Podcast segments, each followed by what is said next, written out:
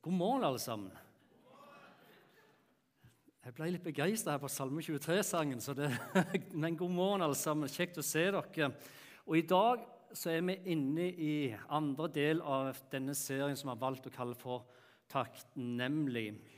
Og Det er sant som Heining sa innledningsvis, at på torsdag når jeg hørte andakten, eller det han leste ut fra Filippaen 4 og, og fortsetter å snakke om, så hadde jeg veldig lyst til å ta det med i dag. For jeg tror på en Gud som er nær, og jeg tror på en Gud som virker ned i sin menighet i ei tid der ting er, kan oppleves som kaos. Jeg tenker verdensbasis, men kanskje nasjonalt, og kanskje så nært som helt inn på livet, våre egne liv, kan oppleves kaos, stress og travelhet. Da tenker jeg at det er godt og oppdage at Gud er nær og komme oss ned på en torsdag. fordi det som vi skal fortsette med, er det som Henning slapp på torsdag. Og Dette var planlagt for over ei uke siden, at det var sånn det skulle være. Så Derfor tenker jeg det er bra for oss å se hvordan Gud jobber iblant oss. Derfor tror jeg også at Gud har et ord for oss i dag, og jeg tror det er viktig inn i vår tid. Så om du ikke var her sist søndag, når vi starta serien, så skal du være glad for én ting. Og det er at vi har video her i menigheten, og vi tar opp talene våre. For har du ikke sett Kristine Løvaas sin tale sist søndag, så vil jeg virkelig virkelig anbefale deg å gå inn og få med deg den talen der. Det var nært, det var ærlig, det var personlig. Og det var smerte, og det var sorg, og det var Guds nærvær og nærhet gjennom alt. Virkelig anbefaler han den talen til deg. I dag ser vi andre del av Talesiden takknemlig. Og her For noen år siden og tilbake på 90-tallet kom det ut ei bok som heter Material, Material World. Eh, og Det er, det er bok, og forfatteren han her heter Peter Menzel. Eller Peter Menzel.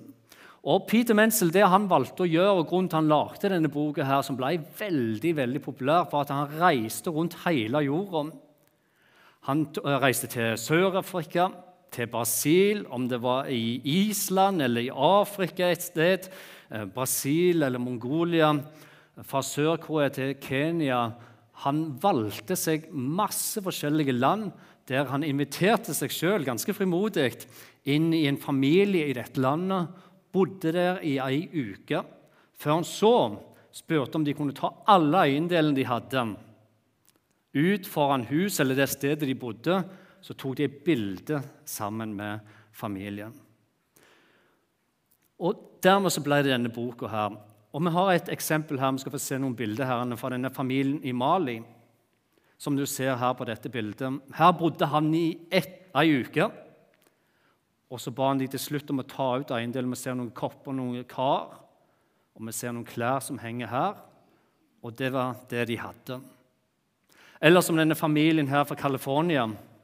Dette er tilbake på slutten av 90-tallet eller midten av 90-tallet. Og det kan du sikkert se. Men de hadde litt mer støff, de. Det er noen senger, det er litt av hver komfyr. Eller den familien fra Thailand som har bodd i ei uke ser noen vifter her, og de har noen radioer, noen senger, noen klær.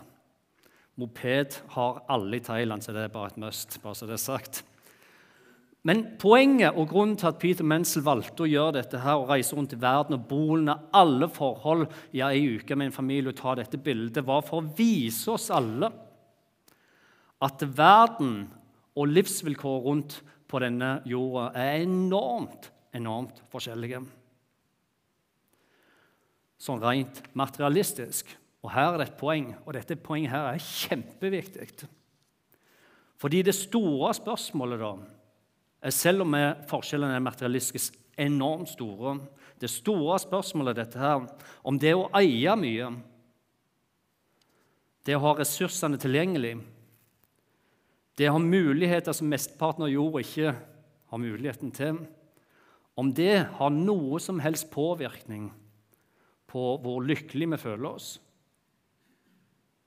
hvor glad vi kjenner oss, eller hvor takknemlig vi er til det liv vi lever. Peter Menz mente ikke det. Ingen innvirkning. For det er ikke det som er hemmeligheten eller kjernen til takknemlighet. Her For noen år siden var jeg og familien min var på tur i Thailand. og var på ferie i Thailand. Og Det var en kveld der jeg gikk ut helt alene og skulle bare gå litt i nabolaget. Og Det var litt fattig nabolag akkurat der jeg gikk for rundt for å se. liksom. Så Plutselig hører jeg en stemme som roper bak meg. og Jeg snur meg rundt, og det var på Thailand, så jeg forsto ikke ett eneste ord av det han sa. Men jeg forsto på bevegelsene hans at han ønsket at jeg skulle komme bort til ham. Og når jeg kom bort til ham, da, så plutselig begynte han å snakke litt engelsk. Og jeg forsto at uh, grunnen til han ropte på meg, var for jeg gikk meg i Liverpool-skjorte, og han var Liverpool-fan. Og så begynte det, snakket vi bitte litt, sånn prøvde å forstå hverandre. Og så sa han dette her. Så inviterte han meg til å sitte ned med familien sin på betongplattingen rett framfor huset. Og de var 16-17-18 stykker der. Det var besteforeldre, og det var barn og det var barnebarn. og det var han som foreldre. Og de inviterte meg rett og slett på middag. Og jeg hadde kjent han i ca. tre minutter. Og jeg tenkte nei, jeg kan ikke være med på dette. Jo, jo, jo, jeg måtte komme, jeg måtte sette meg ned. Og alle liksom reiser seg opp og bukter, og sånn som så de gjør det og kanskje i den kulturen. Og jeg satte meg ned og jeg begynte å spise det hadde ei gryte der, og jeg begynte å spise den maten. Og det var, det var sykt sterkt. det var så sterkt at jeg kjente liksom, dette her burde jeg ikke spise, men jeg kunne ikke være høflig. Så jeg spiste, og jeg kjente det ble oppover i magen. og Jeg hadde mest ikke stemme igjen i slutten, for det var så utrolig sterk mat. Men poenget mitt er dette her, at når jeg skulle gå da, etter ca. en time, uh, så reiste de seg opp og så sa de 'tusen takk'. Og jeg bare tenkte mens jeg gikk etterpå alle sa 'tusen takk', og de brukte liksom Og jeg tenkte 'tusen takk'? Fordi jeg spiste maten deres? Eller hva, hva er det i grunnen de mener? 'Tusen takk fordi de inviterte meg til dekka bord'? Eller hva er det i grunnen de sier 'tusen takk for'? For at de var så vennlige mot meg? Hva er det i grunnen de sier 'tusen takk for'? Hva er hemmeligheten? Jeg klarer ikke å stoppe og tenke på den. Hva er i grunnen hemmeligheten til det livet der? Hva er hemmeligheten til det livet? I Bibelen så finnes det et brev som vi hørte om i dag, og som Henning leste fra, fra Filippa-brevet, som er bare helt nydelig. Og Det er skrevet av en som heter Paulus, og Paulus mener de var født ca. på samme tid som Jesus. Han vokste opp i det som vi kan si er ganske gode kår. Sannsynlig fra en sterk og kjent familie med rikdom og sosial status. Han var jøde, og han var opplært i jødiske skikkene, samtidig som han tok en gresk-romersk utdannelse. Noe som gjorde igjen at Paulus hadde verden for sine føtter. Han var intellektuelt supersmart, begava, og mange vil nok si at Paulus var en mann for framtida. En som de kunne satse på både politisk og når makten skulle fordeles. Han så på de kristne som en fiende, og han var en sterk forfølger og godkjente drap på de første kristne. En mann som folket lytta til og fulgte. En mann som hadde stor innflytelse, sosial status. Det materialistiske det var på plass, for å si det sånn. Og så treffer han Jesus. Og da endra hele livet til Paulus seg. Og der og da så endra hele livet til Paulus seg. Fordi idet han velger å ta imot Jesus sitt liv, så velger han også bort det andre livet han hadde. Ikke nødvendigvis fordi han eh, ville miste det sjøl, men fordi det nye livet sammen med Jesus ikke passet inn i den sosiale settingen som han var oppvokst i. Han ble ikke godtatt, ble skjøvet ut fra eliten. Det var ikke plass til hans avgjørelse der. For Paulus så var dette valget om å følge Jesus et valg om å være eller ikke være. Og Det er også det som gjør at han skriver det sånn som dette her i Filippa-brevet. Vi går videre for der Henning har lest. Men det som før var en vinning for meg, det regner jeg nå for Kristi skyld som tap. Ja, jeg regner alt som tap bare fordi det å kjenne Kristus Jesus Få se her. Alt det andre som jeg har hatt, er ikke verdt noen ting. Bare det for å kjenne Jesus Kristus, min Herre, er så mye mer verdt for hans skyld. Hvorfor gjør du dette, Paulus? Hvorfor velger du vekk alt det andre? For hans skyld har jeg tapt alt. Og alt jeg har tapt, regner jeg som verdiløs skrap. Bare jeg kan vinne Kristus og bli funnet i ham. Så kostnaden for Paulus var alt eller ingenting.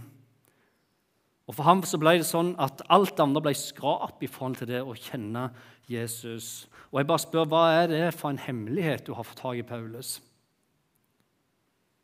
Bak en sånn en trygghet, en sånn overgivelse, en sånn sikkerhet om at 'jeg er på rett plass', hva er hemmeligheten til Paulus?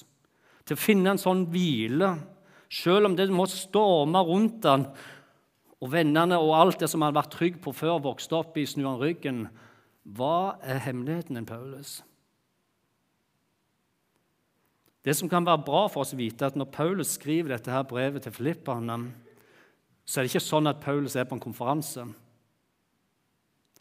Han er ikke i en bibelskolesetning eller i en menighet der han er omgitt av andre som tenker det samme som han.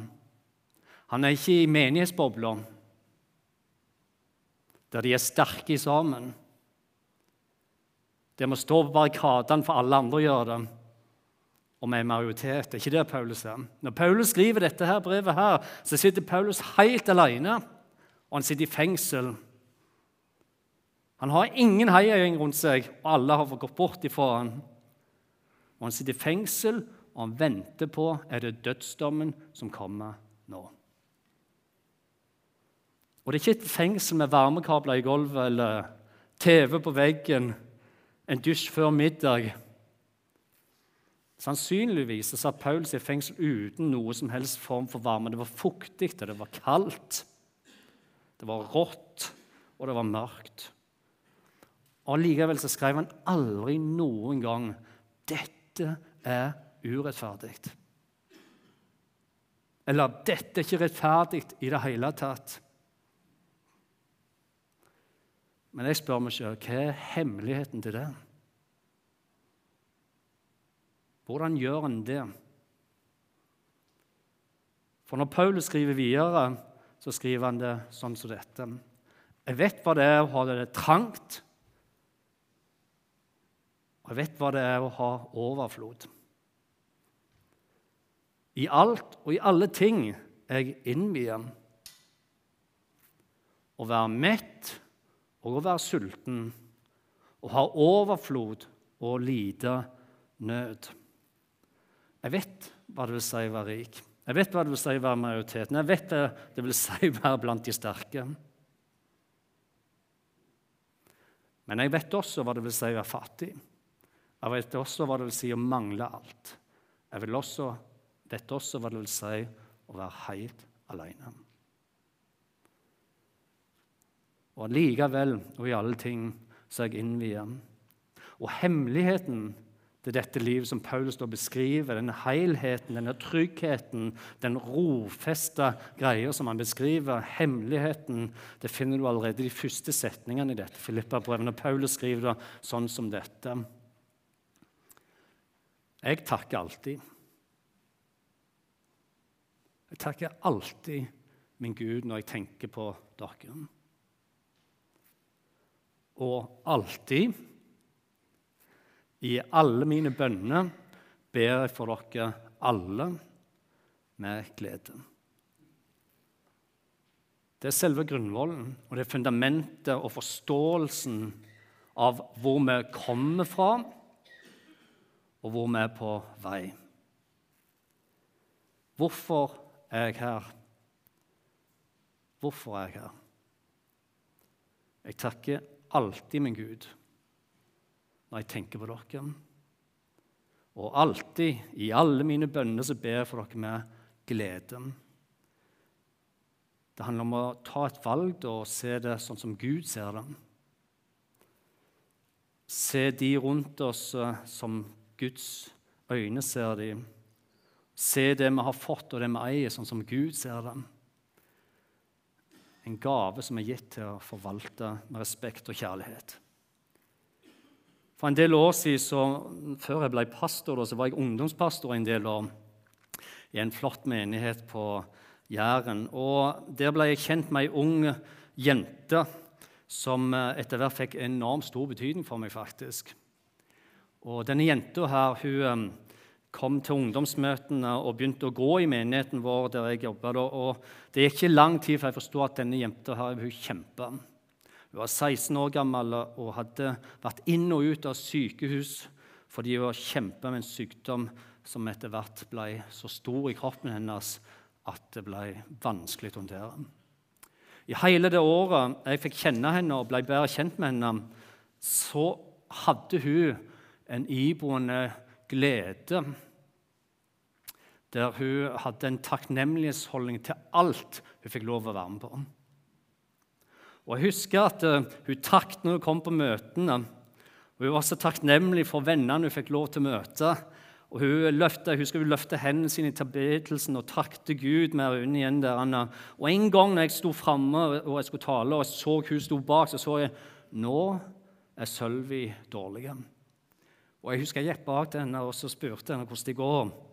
Om jeg ikke heller burde gå et annet sted og sette seg ned, for det var så høy lyd. Og så sier hun nei, jeg tror jeg står her, jeg. Fordi dette vil jeg ikke gå glipp av. Og Nå sier ikke jeg at det er rette måten å gjøre det for alle mennesker, for her er vi forskjellige. Men for Sølvi sin del da, så valgte hun, og så ville hun, være til stede og takke for det hun hadde sammen med de andre. Nå i dag. Nå i dag.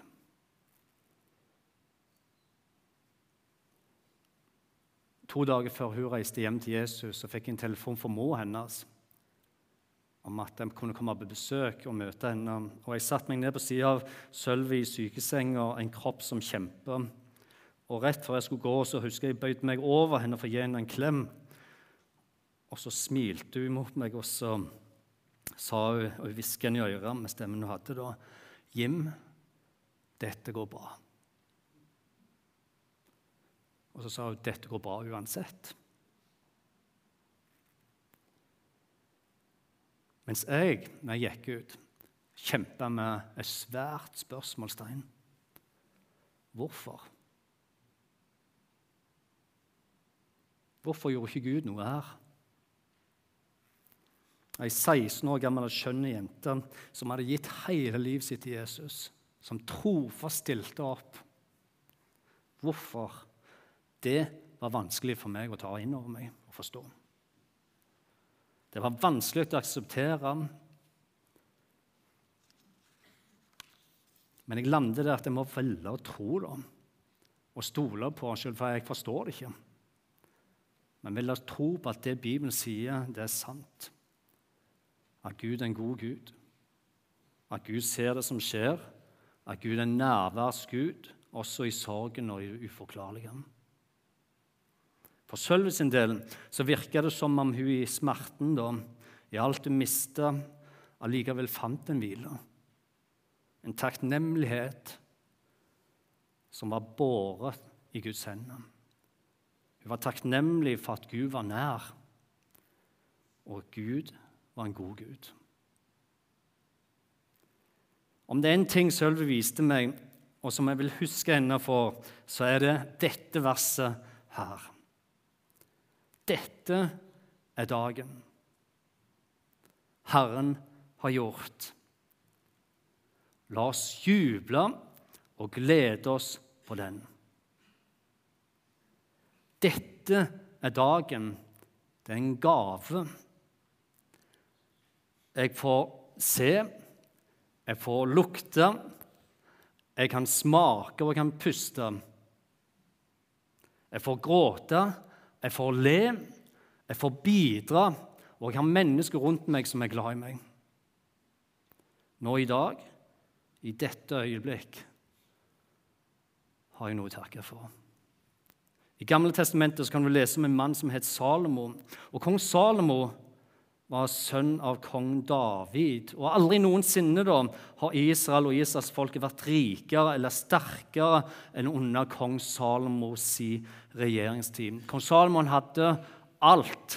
Han var så mektig og full til randen av rikdom. Alle kom til Jerusalem for de ønsket å se dette. Og når de kom til Jerusalem, så fikk de bakoversveis av det de så.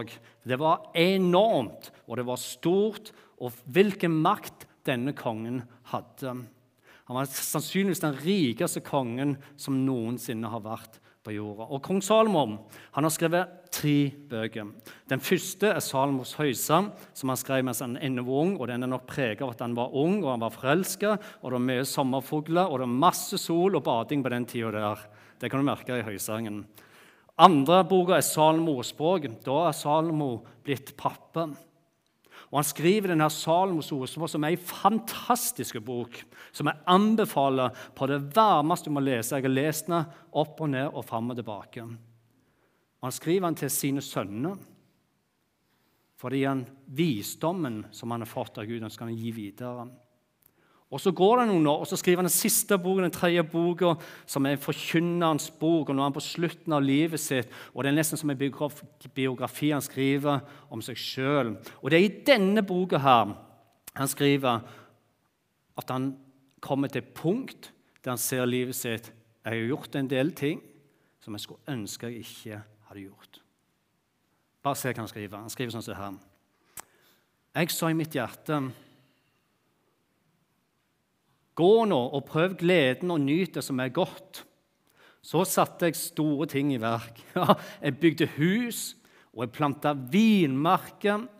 Jeg anla hager og parker og plantet alle slags frukttre i dem. Jeg skaffet meg mer storfe og småfe enn noen hadde hatt før meg i Jerusalem. Jeg samla meg sølv og gull og kongelige skatter fra andre rike. Og han fortsetter å skrive. Jeg ble stor i makt og i rikdom, ja, større enn noen som har levd i Jerusalem før meg. Jeg sa ikke nei til noe av det mine øyne begjærte. Ingenting. Ingenting. Han hadde dame i fleng. Han hadde gull og det bugne. Han drakk og han festet. Han gjorde alt han hadde lyst på. Alt han hadde lyst på. Han er ærlig på sine eldre dager. Alt jeg begjærte, jeg nekta meg ingen glede. Så Så Snart på tide å sjekke inn. Hvordan ser det ut med det som jeg starta på? Så vendte jeg blikket mot alt mine hender hadde gjort. Og erkjennelsen, alt jeg hadde samla med mitt arbeid Se, alt var like forgjeves som å gjete vinden. Og nå vet jeg ikke om du la merke til det her i denne teksten, her, men la du merke til at denne teksten her handler om han. Og det han hadde gjort, og det han hadde fått til. Bare se her. Jeg bygde hus og planta vinmerker. Jeg anla hage og parker. Jeg skaffet meg storfe og småfe. Jeg samla meg sølv og gull. Og det var jeg som ble stor i makt og rikdom. Jeg sa ikke noe til noe, nei, nei til noe av det mine øyne begjærte. Så vendte jeg blikket mot alt. Hvem sin? Mine hender hadde gjort. Alt jeg hadde samla med mitt arbeid. Og se, alt var like forgjeves som å gjete vinden. Alt handler om han. Det var han først. Det var hans liv. Det var hans følelse, det jeg har lyst til, jeg i sentrum. Kong Salmo prøvde alt det var prøver i livet. Han brukte penger og gull, han reiste og festa sløste og tenkte. Han fikk dame i fleng, som jeg sa. Han bygde status, han bygde merkevarer, han bygde branding, helteskare. Han testa grensen og ville være fri til å gjøre hva han ville. Han gjorde det mange tusen mennesker drømmer om i dag, og prøver å få til i dag. Og allikevel, og helt til slutt, etter årevis med et jag etter et meningsfullt liv, så skriver han Hør Hør etter. Det er ikke verdt det.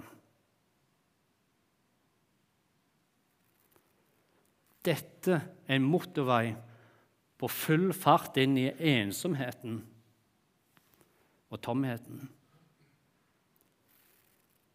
Jeg ble ikke mer glad. Fikk ikke mer tilfredsstillelse. Jeg fikk ikke en større takk.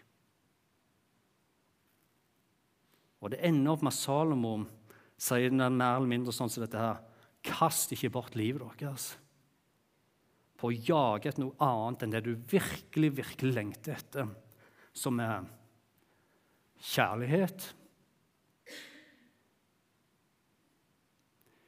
glede, et meningsfullt liv og et kall fra Gud. Hvorfor er takknemlighet viktig for oss? Jo, fordi vi flytter fokus vekk fra de tingene vi skulle ønske vi hadde. Det vi ikke er fornøyd med. For jag og misnøyen og frykten og det usikre. Vi flytter fokuset over på å bli oppmerksomme på det vi allerede har fått, hvem vi er, og hvem Han er. Det er erkjennelsen og det er tilbedelsen som tar fokuset vårt vekk fra oss sjøl og det er rundt oss, og så Gud i sentrum. Det er takknemlighet. Og Paulus skriver det sånn som dette her. Vær ikke bekymra for noe, som vi hørte i dag, men legg alt dere har på hjertet, framfor Gud. Be og kall på ham med hva da? Med, med takknemlighet. Og hva skjer? Og Guds fred, som overgår all forstand, skal bevare, eller som vi hørte Henning prate om i dag, vokte oss, passe oss. Deres hjerte og deres tanker i Kristus Jesus. Det er et liv i takknemlighet. Et liv der vi minner hjertet vårt og tankene våre på at Gud, han er god.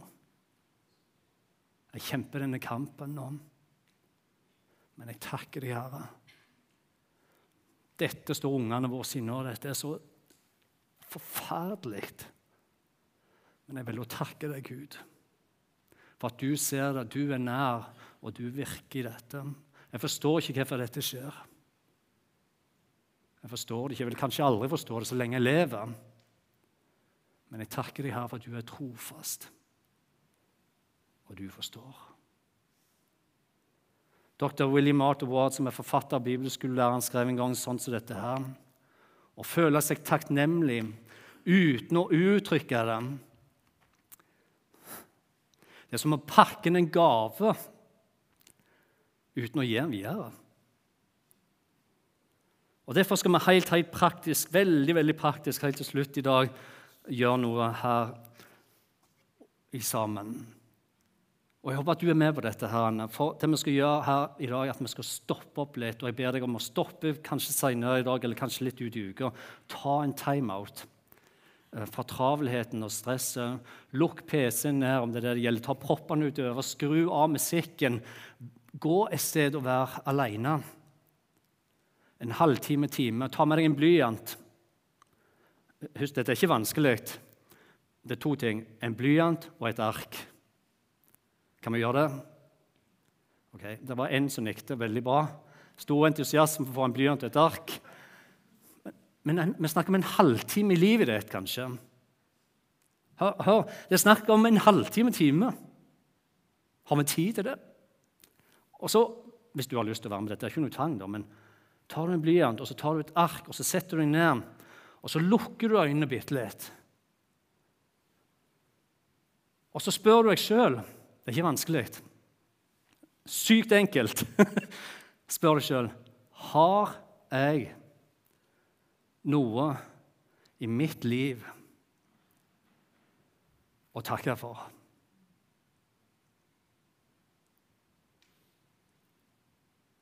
Og så tar du med blyanten når du kommer på det første som dukker opp i hodet ditt, og så skriver du det ned.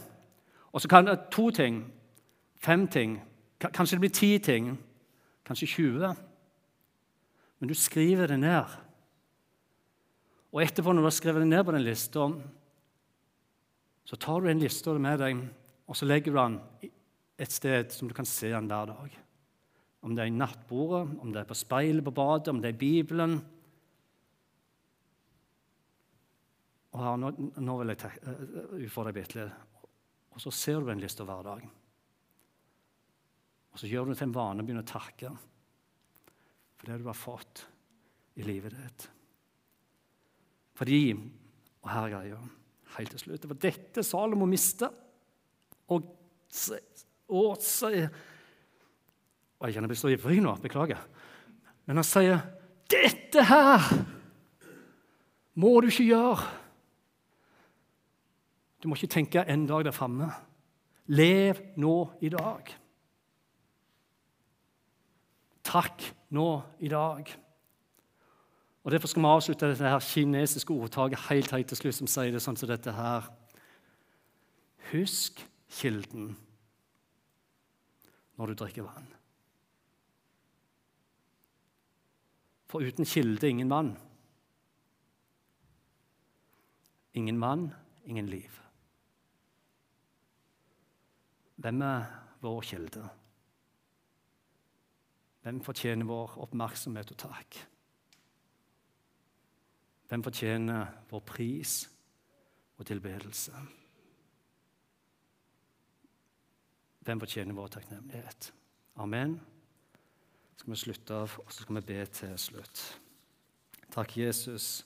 Takk for din kjærlighet og din evigvarende godhet. Takk, Jesus, for livet du ga, og gaven vi fikk lov til å motta. Herren. Takk, Jesus, for livet vi fikk, og hverdagen vi har. Takk, Jesus, for du ser alt, og du vet alt. Og så takker vi Jesus for at du ga oss et løfte for hver eneste dag. Og det løftet er dette her, at du er nær. Du forlater oss aldri. Du skal være med oss hver eneste dag. Må du hjelpe oss å hvile i din trofasthet. Må du hjelpe oss å løfte våre øyne så vi ser det som du ser. De vi har rundt oss, det vi har fått i hendene. Takk, Herre, for vi har mye å takke for. Takk, gode Jesus. Amen.